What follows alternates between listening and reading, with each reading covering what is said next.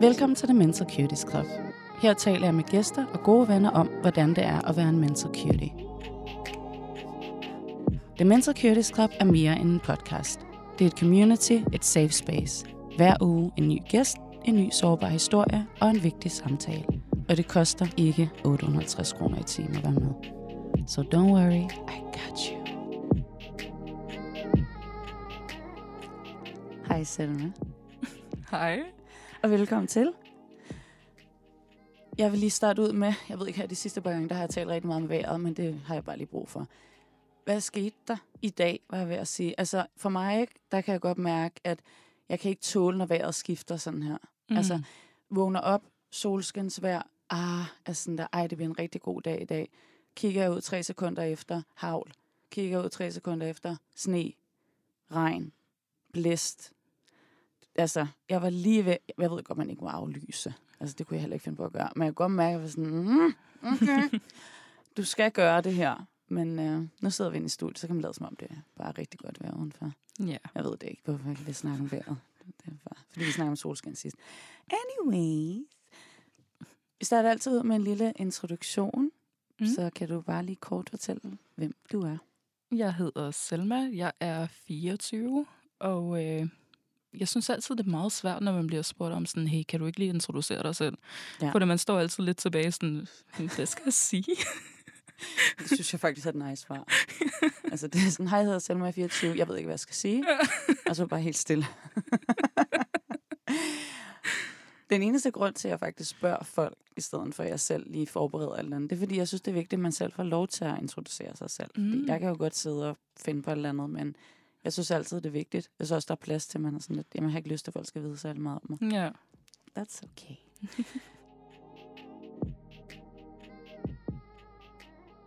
Vi starter altid ud med cute-skalaen, Mm. som er, hvor cute man er fra 1 til 10.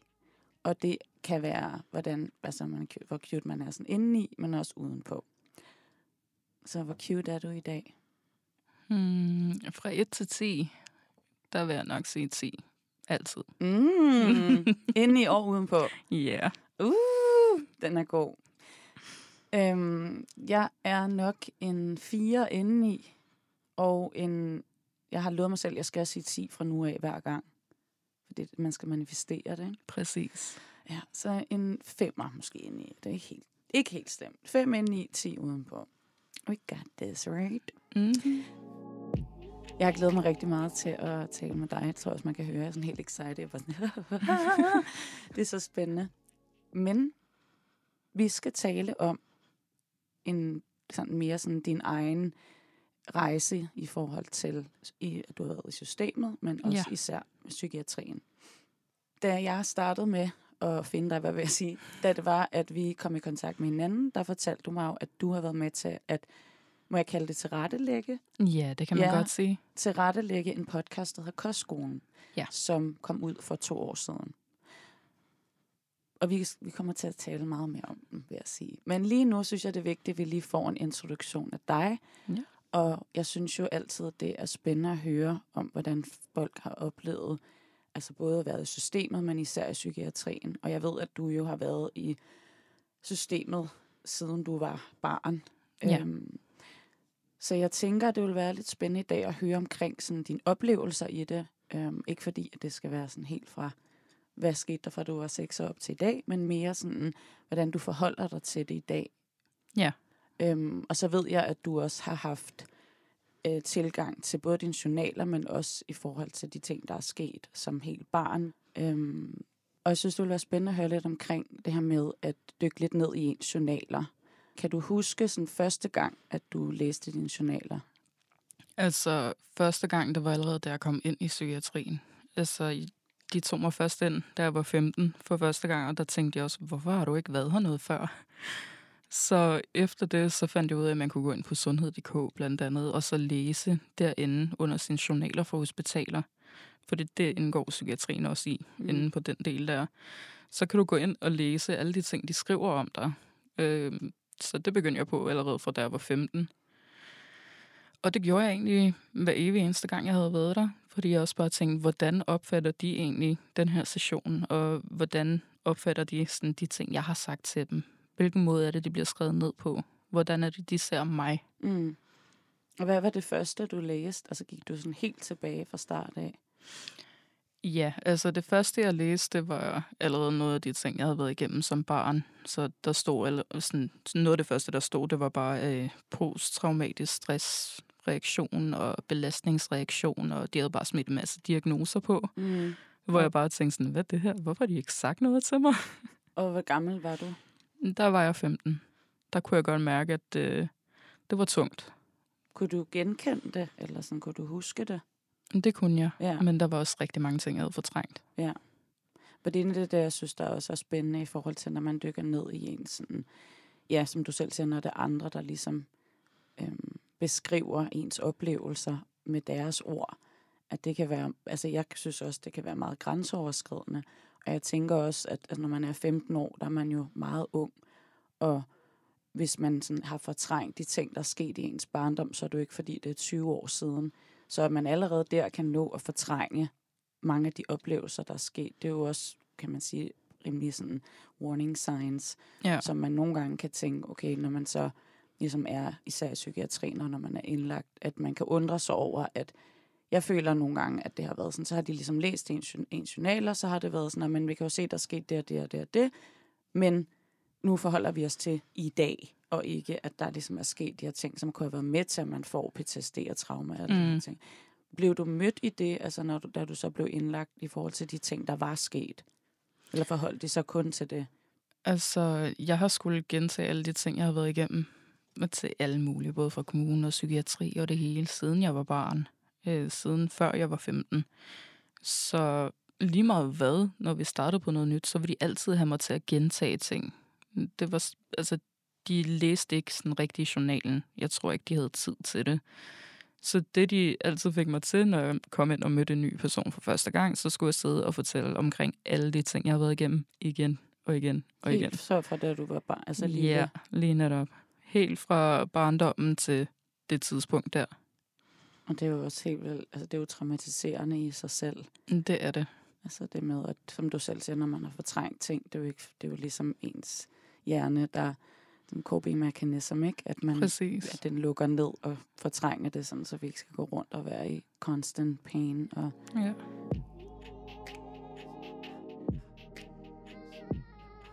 og det, der sker, når du er 22, det er jo så, at du får agtindsigt, og jeg vil gerne lige høre lidt mere omkring sådan, er det noget, du havde tænkt over længere tid, eller hvorfor var det, du ligesom ville have det?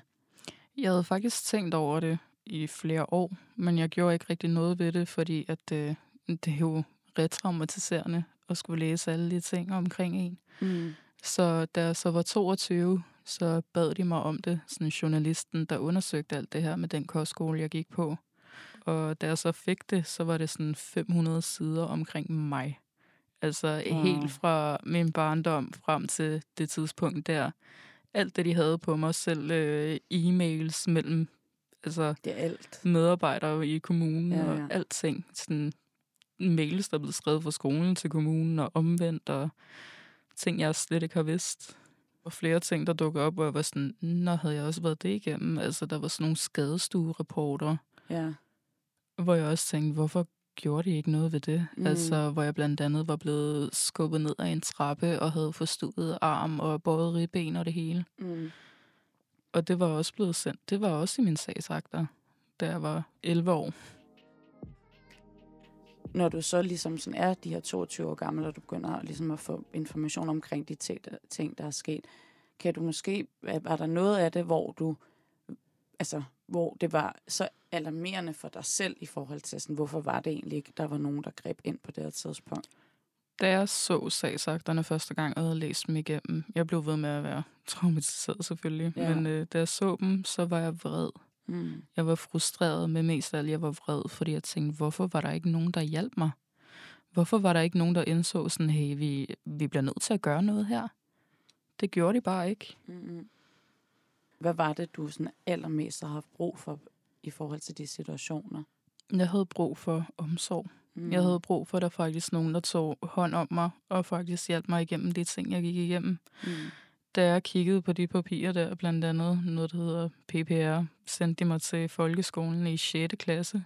Øhm, nu kan jeg ikke lige helt huske, hvad det stod for, men det var nogen, der kom udefra og lige skulle sådan vurdere, om jeg var, ja, altså øh, lige på bølgelængde med mine klassekammerater, om Det er ligesom IQ'en fejlede sådan- noget, sådan ikke? et- ja, sådan en analyseagtig omkring. Lige sådan, netop, og det gælder bare alt. Det er både sådan IQ og psykisk og selvbillede og det hele. Og min, den slog meget voldsomt ud. At jeg der som 6. klasses elev havde ingen selvtillid, intet selvværd og havde en svær depression. Og var selvmords, altså jeg havde sådan selvmordstanker i den alder. Og det var noget, de var, altså det var noget, de fik altså information omkring. Ja. ja. De var godt klar over det, men Ja. der blev gjort intet ved det. Og det er også helt forfærdeligt. Da du er de her 15 år gammel, hvor er det? Altså, hvor går du i skole hen? Eller hvad, hvor er du sådan er tilknyttet? Der går jeg på Havregården Kostskole. Og på det her tidspunkt opsøger du så selv psykiatrien, eller er der andre, der ligesom anbefaler dig? Eller siger, du skal, for den sags skyld? På det tidspunkt, der øh, havde jeg planer om selvmord. Jeg havde samlet over 400 piller sammen, og øh, så var der nogen, der opdagede det, og nogle af pædagogerne så på Havregården, der tog pillerne fra mig, og så tvang mig ud til psykiatrien. Altså, jeg ville hellere vente til en anden pædagog kom dagen efter, men der fik jeg bare at vide, jamen, du skal derud nu. Mm. Så hvad sker der, når du kommer derud? jeg er fuldstændig deprimeret. Jeg var også selvskadende på det tidspunkt. Så jeg havde også bare en masse sådan halvåbne sår og var træt og ked af det og ikke rigtig ville noget. Hvordan synes du, de tog imod dig? Det var, altså det fuldt ud ligesom at sidde på skadestuen, for det er egentlig også jo en form for skadestue der i psykiatrien. Så man sidder der i et venteværelse med en masse andre, og så bliver man bare tilkaldt. Sidder man inde i et rum med bord og to stole, og så er det bare om at snakke. Det er sådan lidt, jeg ved ikke helt, sådan, det er ligesom, at øh, man bliver afhørt Mm. på en måde. Det er er ikke sådan behageligt. omsorg, nej. ja, Og hvor lang tid er du så der på det tidspunkt? jeg tror, jeg var der i et par timer. Og så blev du sendt hjem? Ja. Wow. Er pædagogerne med dig på det her tidspunkt, eller er de, sætter Mm. de der bare af? Han var med inden ham, pædagogen. Han gik med ind til samtalen, selvom jeg ikke ville have det. Og da vi så var færdige, så kørte han på tanken, fordi han lige skulle have noget at spise, og spurgte mig, om jeg ville have noget at spise, fordi nu var det blevet meget sent, og jeg havde jo ikke lyst til noget. Mm-mm. Så efter det, så kørte vi tilbage op på kostskolen. Og det var det? Ja. Ikke nogen opfølging, ikke noget sådan efterfølgende, at du skulle tale med nogen? Jeg fik sådan øh, indkaldelse, hvor jeg så skulle gå ind og snakke med nogen, men så tilknyttede jeg mig så til Hillerød Psykiatri der. Og der fik jeg en rigtig, rigtig god psykiater. Mm. Altså, jeg vil nok sige-? Hun var nok den bedste af alle dem, jeg havde haft, fordi at øh, hun havde sådan en behandlingsmetode til PTSD, som de andre steder ikke kunne tilbyde mig, fordi det var noget, der var udbredt i Sverige og alle andre lande, men i Danmark er det ikke udbredt, og det er det stadig ikke endnu. Hvornår har du fået den her PTSD-diagnose i forhold til, når du er der? Øh, jeg fik den allerede der ved første samtale. De, Okay. var sådan, de var fuldstændig fastlåst og sikre på, at jeg havde en kompleks PTSD. Okay. Og det er så noget, der hedder EMDR, som er sådan noget eye movement. Jeg kan ikke lige helt huske alle de der forkortelser. Der er så mange efterhånden. Kan du bare beskrive, hvad er det? Sådan, hvad, Altså, hvad det øh, ved mig og ved selve hele EMDR, der sad min psykiater over for mig og tappede på begge mine knæskaller sådan med hænderne. Og så sagde hun til mig, at jeg skulle huske tilbage på øh, en glad minde, jeg havde. Og når jeg så havde gjort det, så skulle jeg tænke tilbage til et af mine traumer. Noget, der havde været traumatiserende over, altså sådan for mig. Ja. Måske nogle af de mobbeepisoder og sådan noget, jeg havde været igennem. Og så skulle jeg bare leve ind i det med lukkede øjne. Og når det så blev for svært for mig, så skulle jeg sige til og tilbage til det glade minde. Og det, det så gjorde, det var, at øh, jeg blev mindre sådan traumatiseret, hvis man kan sige sådan, når jeg tænkte på de her ting. Og øh, det rørte mig ikke lige så meget. Og det gjorde også, at de ting, jeg havde fortrængt, kunne jeg huske bedre. Så der dukkede flere og flere ting op, og jeg tænkte sådan, ej, det har jeg, det har jeg slet ikke tænkt over. Det kan jeg slet ikke huske, det der. Kan du huske sådan første gang, at I havde sådan en session, hvordan du, sådan, du reagerede på det? Det var voldsomt. Ja. Altså, det var virkelig voldsomt, fordi det gør virkelig noget ved en. Det er ligesom, du går igennem de samme ting igen. Fuldstændig sådan, for det forstærker det også. Er du også meget visuel? Ja. Ja, det er også det, jeg tænker, sådan, for det lyder helt inspirerende. Også det her med, sådan, det lyder sådan lidt hypnoseagtigt, altså med, at man skal sidde sådan og tabe på knæene, eller sådan Det der. er det lidt, Ja. ja. Men jeg tænker også, det må være vildt svært. Ja. Og det med sådan at skulle hoppe fra sådan et vildt traumatisk øjeblik til et godt minde. Altså sådan, det er som, der er ikke rigtig sådan en mellemstation i det, vel? Ja. Altså det er virkelig bare sådan back and forth. Præcis. Hvor lang tid var, nu er jeg bare nysgerrig, men sådan, hvor lang tid var sådan en, en session sådan i forhold til? Altså, det er sådan cirka det samme som, når man bare er en almindelig tid hos en psykiater eller psykolog. Sådan Så en man times sidder tid. i det en, det en det. hel time, der sidder man og, Ja. og laver den her øvelse. Okay, så tænker Man jeg, kan så også sådan forkorte det. I starten kunne jeg ikke særlig meget overhovedet. Jeg kunne ikke håndtere mere end 5-10 minutter. Så Mhm. kunne jeg så håndtere mere og mere. men det, ting, det er sådan noget af det, der har hjulpet dig allermest i forhold Ja. til din PTSD. Det er det.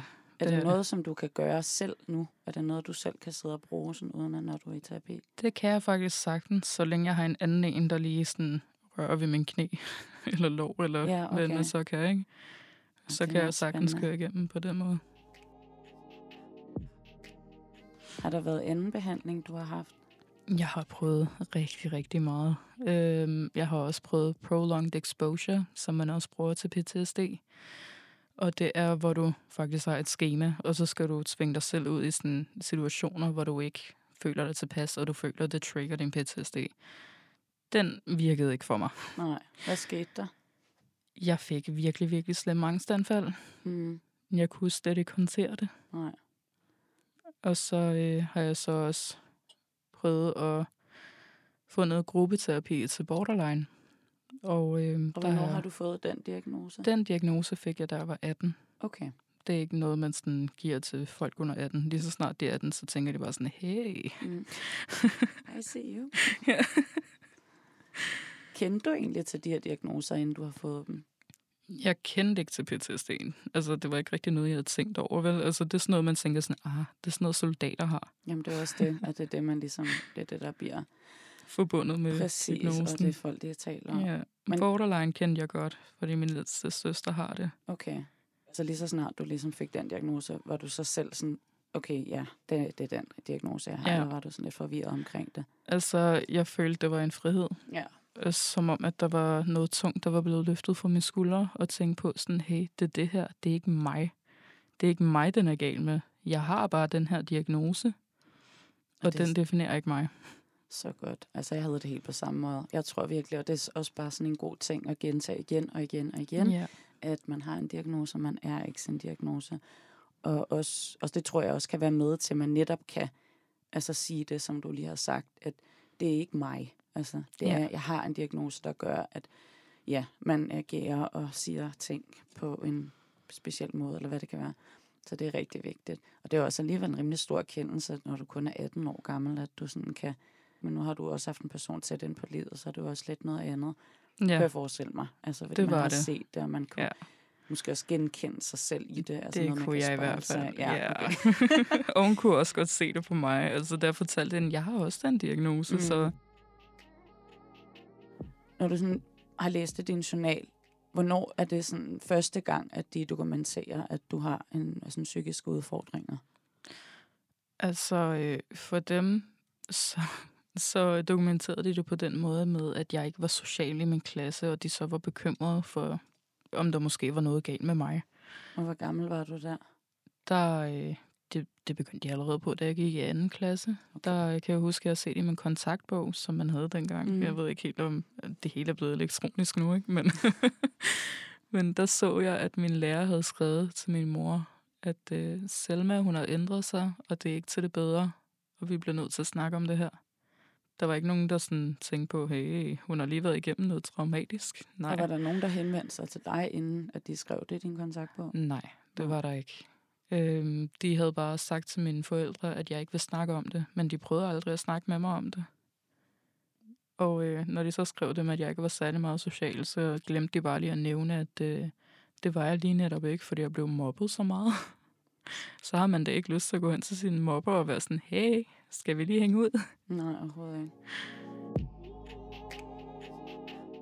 er det så der, hvor det, de begynder at tale omkring, at du er altså, indadvendt og Ja, den her depression og alle de her ting, der sker. ja. Og der er ikke på noget tidspunkt nogen omkring dig, der taler med dig om det. Nej, det er der ikke. Nej. Der er ikke nogen, der tager hånd om det overhovedet. Øh, de lærer mig bare at køre ud i det. Altså, jeg har pjekket sådan fire år af min folkeskolegang væk, uden at der er blevet gjort noget. Det første er at komme op i 9. klasse, at de så smed mig ud fra skolen. Er det også noget, der er blevet dokum- dokumenteret? Ja. Ja. Altså, at du ikke har deltaget, og at du Ja. har været fravær? Jeg var måske kun til stede sådan tre dage på et skoleår. Mm. Altså nu tænker jeg også, altså personligt også, at jeg har virkelig også haft rigtig, rigtig meget fravær, overhovedet ikke været til stede generelt, både psykisk eller fysisk. Ja. Øhm, og man kan jo undre sig over, at de mennesker, altså de omsorgspersoner, der er omkring en, ikke rigtig gør noget. Men nu tænker jeg bare mere i forhold til, at du kan læse det i din journal. Er det så, altså, hvem er det så, der har været ind over der? Er det fordi skolen har Altså, henvendt sig og sagt, at vi er bekymrede for det, eller hvornår er de ligesom kommet ind i billedet? Jeg ved det ikke helt. Jeg ved bare, at skolen begynder at kommunikere med kommunen, og okay. kommunen med skolen sådan omkring mig, og hvad det er, der foregår. Men ingen af dem greb ind på den måde. Nej. Øh, de lå det bare køre videre helt til det sidste. Og var det, fordi der var sket et eller andet specifikt, eller var det bare sådan der, at du ligesom ikke har været i skolen, og du ikke har deltaget, og det virker som om, at der er sket et eller andet, som de ikke rigtig ved noget om? Det er fordi, at jeg ikke havde været i skole. Altså, det vidste godt, at jeg havde været ude for noget traumatisk som barn, men øh, det er ikke noget, som de sådan tænker på, hey, det kan måske være grunden til, at øh, hun er sådan her, og har måske brug for noget hjælp og en at snakke med. Mm.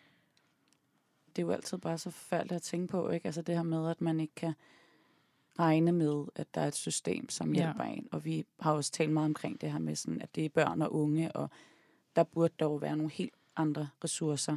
Det er jo der, hvor man har det allersværest, kan man sige. Og især hvis man ikke har noget som helst støtte omkring, så tænker også i forhold til familie. Ja.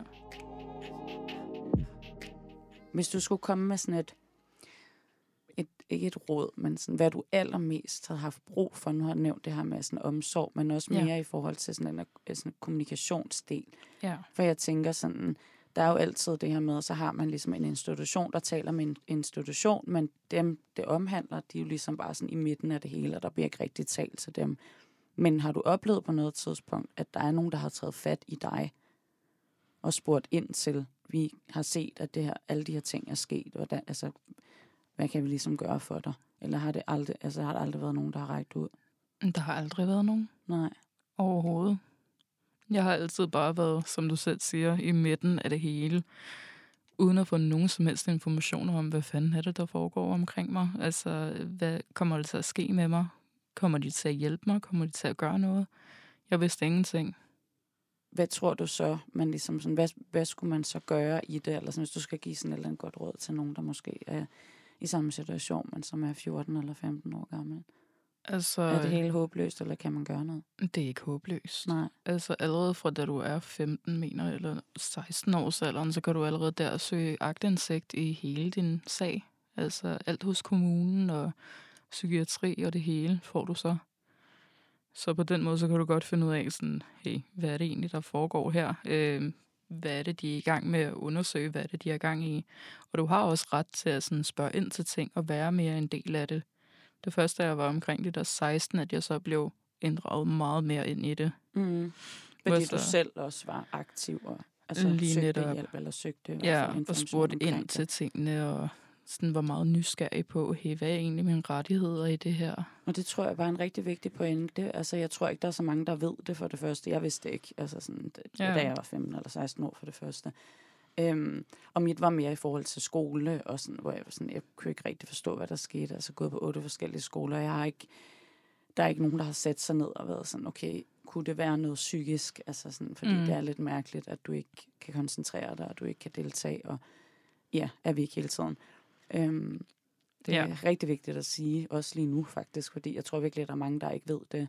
Og desværre er det jo sådan, at man får jo, ja, som vi også lige har siddet og talt om, det er jo ikke altid, at man får den hjælp, som man behøver, og det er ikke altid, at der er en voksen, der tager dig i hånden og fortæller dig, hvad dine rettigheder er heller. Lige Så- netop. Jeg synes, det er en rigtig vigtig ting at sige, øhm, fordi at når man så står i hvilken som helst situation, man så står i, så er der noget dokumentation. Øh, Ja. Og hvis man så også kan huske noget af det, så er det jo endnu bedre, fordi så kan man jo se, om det er blevet dokumenteret eller ej, og om det er blevet dokumenteret, øhm, hvad kan man sige, rigtigt. At der ikke er der ikke nogen, der har skrevet et eller andet, som slet ikke passer. Så det synes jeg er rigtig vigtigt at sige, at man ligesom selv faktisk kan være en del af det, også juridisk. Altså, ja. Altså, nu ved jeg ikke lige, om du selv også ved det her, men også i forhold til psykiatrien, så kan du godt bede dem om at slette sådan bestemte ting, du ikke vil have. Det vidste jeg ikke engang.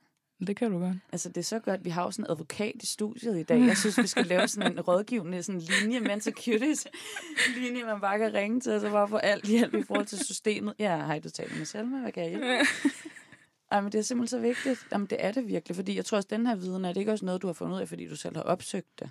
Jo. Det er også det, jeg mener, ikke? Fordi at det, er jo, det er der jo mange af os, der, altså når man bare lever et liv, og man har en diagnose, og alt kan være rigtig svært, eller der kan være mange årsager til, at man ikke lige Lige opsøger den hjælp. Altså, allerede fra da jeg var 13, så fik jeg sådan nogle bøger med øh, de forskellige paragrafer og så videre, så jeg så kunne se sådan, ah, jeg tilhører den her paragraf, og det er det her, mine rettigheder er. Ja, okay. Så kørte jeg ud fra det, fordi ellers så følte jeg bare, når man er ung og barn i systemet, så bliver du bare trådt på. Mm. Der er ikke nogen, der lytter til dig, fordi du er den quote unquote, den syge. Ja, man får ligesom, man bliver label i sådan en tidlig ja. alder. Og det kan jo, altså det er jo også der, man udvikler en identitet og altså selvstændighed og alle de her ting. Så det er jo klart lige så snart, at du får det her label på dig, som at du er den svageste i samfundet. Øhm, der kan det jo kun være med til, at du netop ikke har nogen tiltro i forhold til folk, der kan hjælpe dig, eller ikke får en styrke for den sags skyld, eller et selvværd, der gør, at man tager de her kampe op.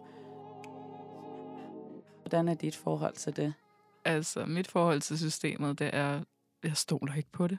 Nej. Altså, selv i den her alder af 24, så vil jeg stadig ikke stole på dem. Nej. Når man har været så mange ting igennem og blevet kastet rundt i systemet. De alle sammen har jo ligesom vidst forskellige ting, der er foregået. Og de har også kommunikeret om det. Men hvorfor har de ikke taget hånd om de forskellige ting? Eller gjort nogle bestemte ting? Eller fortalt en de her ting? Hmm. Altså, jeg har ingen tiltro til systemet overhovedet. Hvad skal der så til for dig, for at bare få sådan måske 2% håb i, at der kommer til at ske nogle gode ting i forhold til psykiatrien? I forhold til psykiatrien, uh, der er rigtig, rigtig mange ting, synes jeg. Blandt andet med min PTSD der. Der synes jeg lige netop det der som EMDR, der er noget, de burde gøre mere i Danmark. Altså, der er flere behandlingsmuligheder, end det, de tilbyder i psykiatrien. Og det skal man også lige huske. Og det er først, når du er helt ude, at du får tilbudt noget andet. Jeg var igennem hele systemet, og halvandet år inden i det der forløb, jeg var i med MBT og DAT, før de overhovedet tilbød mig at sende mig videre i distriktspsykiatrien, mm. hvor jeg så kunne få sådan samtaler på egen hånd med en psykiater eller en psykolog. Ellers så ville de ikke tilbyde mig det, før jeg havde været igennem alt det andet først. Nej. Og, og det er over mange år, kan jeg forestille mig. Ja, Ja. lige netop, fordi du skal prøve de forskellige ting, og om det er noget for dig, om du lige kan sådan holde det lidt ud, det kunne jeg bare slet ikke. Nej. Men det synes jeg også er rigtig vigtigt at i talsæt. Altså det med, at der mangler ligesom nogle, nogle flere behandlingsmuligheder. Ja. Øh, og som ikke er, at altså for dem, der ikke kan betale 850 kroner i time, eller 1000 kroner, eller som du sagde, var det, kostede det 2000 kroner per session? Ja, session? sådan cirka med E Sindssygt. EMDR. Wow.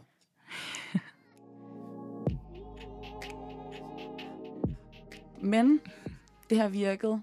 Det er jeg glad for at høre. Det er jo bare rigtig vigtigt, det her med, at der skal være nogle andre altså, behandlingsmuligheder. Jeg tænker bare, at ja, det er jo bare vigtigt at få fokus på, hvad det kunne være, og man taler højt om det og sige, når men jeg har prøvet det her, og det virkede på det her. Ikke? Altså sådan, jeg tror virkelig, der er mange af os, der lever med psykiske udfordringer. Vi ved jo ikke alt omkring, hvad der er tilbud. Øhm, men så er der ligesom nogen som dig, som virkelig dykker ned i det, og jeg tænker også, fordi når man har været igennem så mange forskellige slags behandlinger, der ikke har virket, så er du klart, man rækker ud til andet, for ligesom at finde frem til, okay, hvad er det, der kan hjælpe mig. Men vi skal også til at runde af nu, men det her, det er jo bare lige en lille intro til dig, fordi at vi skal lave to afsnit ekstra, som så bliver noget live podcast, i stedet for at vi sidder herinde i studiet. Så det bliver rigtig spændende at få et lille ansigt på dig. Og vi skal så tale omkring den her øh, podcast, du har været med til at tilrettelægge, som vi talte om i starten af kostskolen. Og nu ved jeg jo, at det er for det første, at der er gået to år efterfølgende. Men måske kan du sådan fortælle en lille bitte smule i forhold til det, som vi skal snakke om. Sådan kort, det vi skal snakke om, det er øh, mine oplevelser på kostskolen, og efterfølgende, hvad der egentlig sket bagefter med os, der har gået der, og mig. Altså, øh, hvordan jeg er kommet videre ud fra systemet, og øh, hvordan jeg har kunne få en hverdag til at hænge sammen. Det bliver rigtig spændende, og jeg er rigtig glad for, at du vil være med. Og du bliver vores første gæst på live tv, var jeg ved at sige, der vi, der vi har filmet. Jeg glæder mig rigtig meget til det.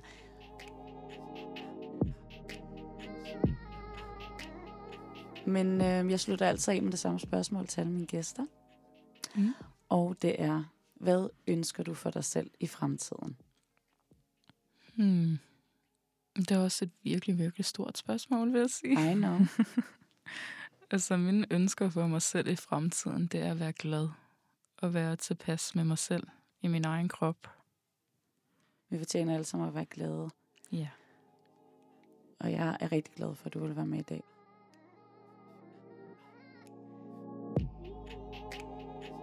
Tak til alle dem, der lytter med.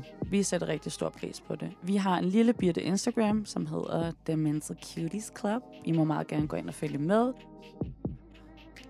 I må meget gerne dele den her podcast med jeres venner og familie. Stay cute.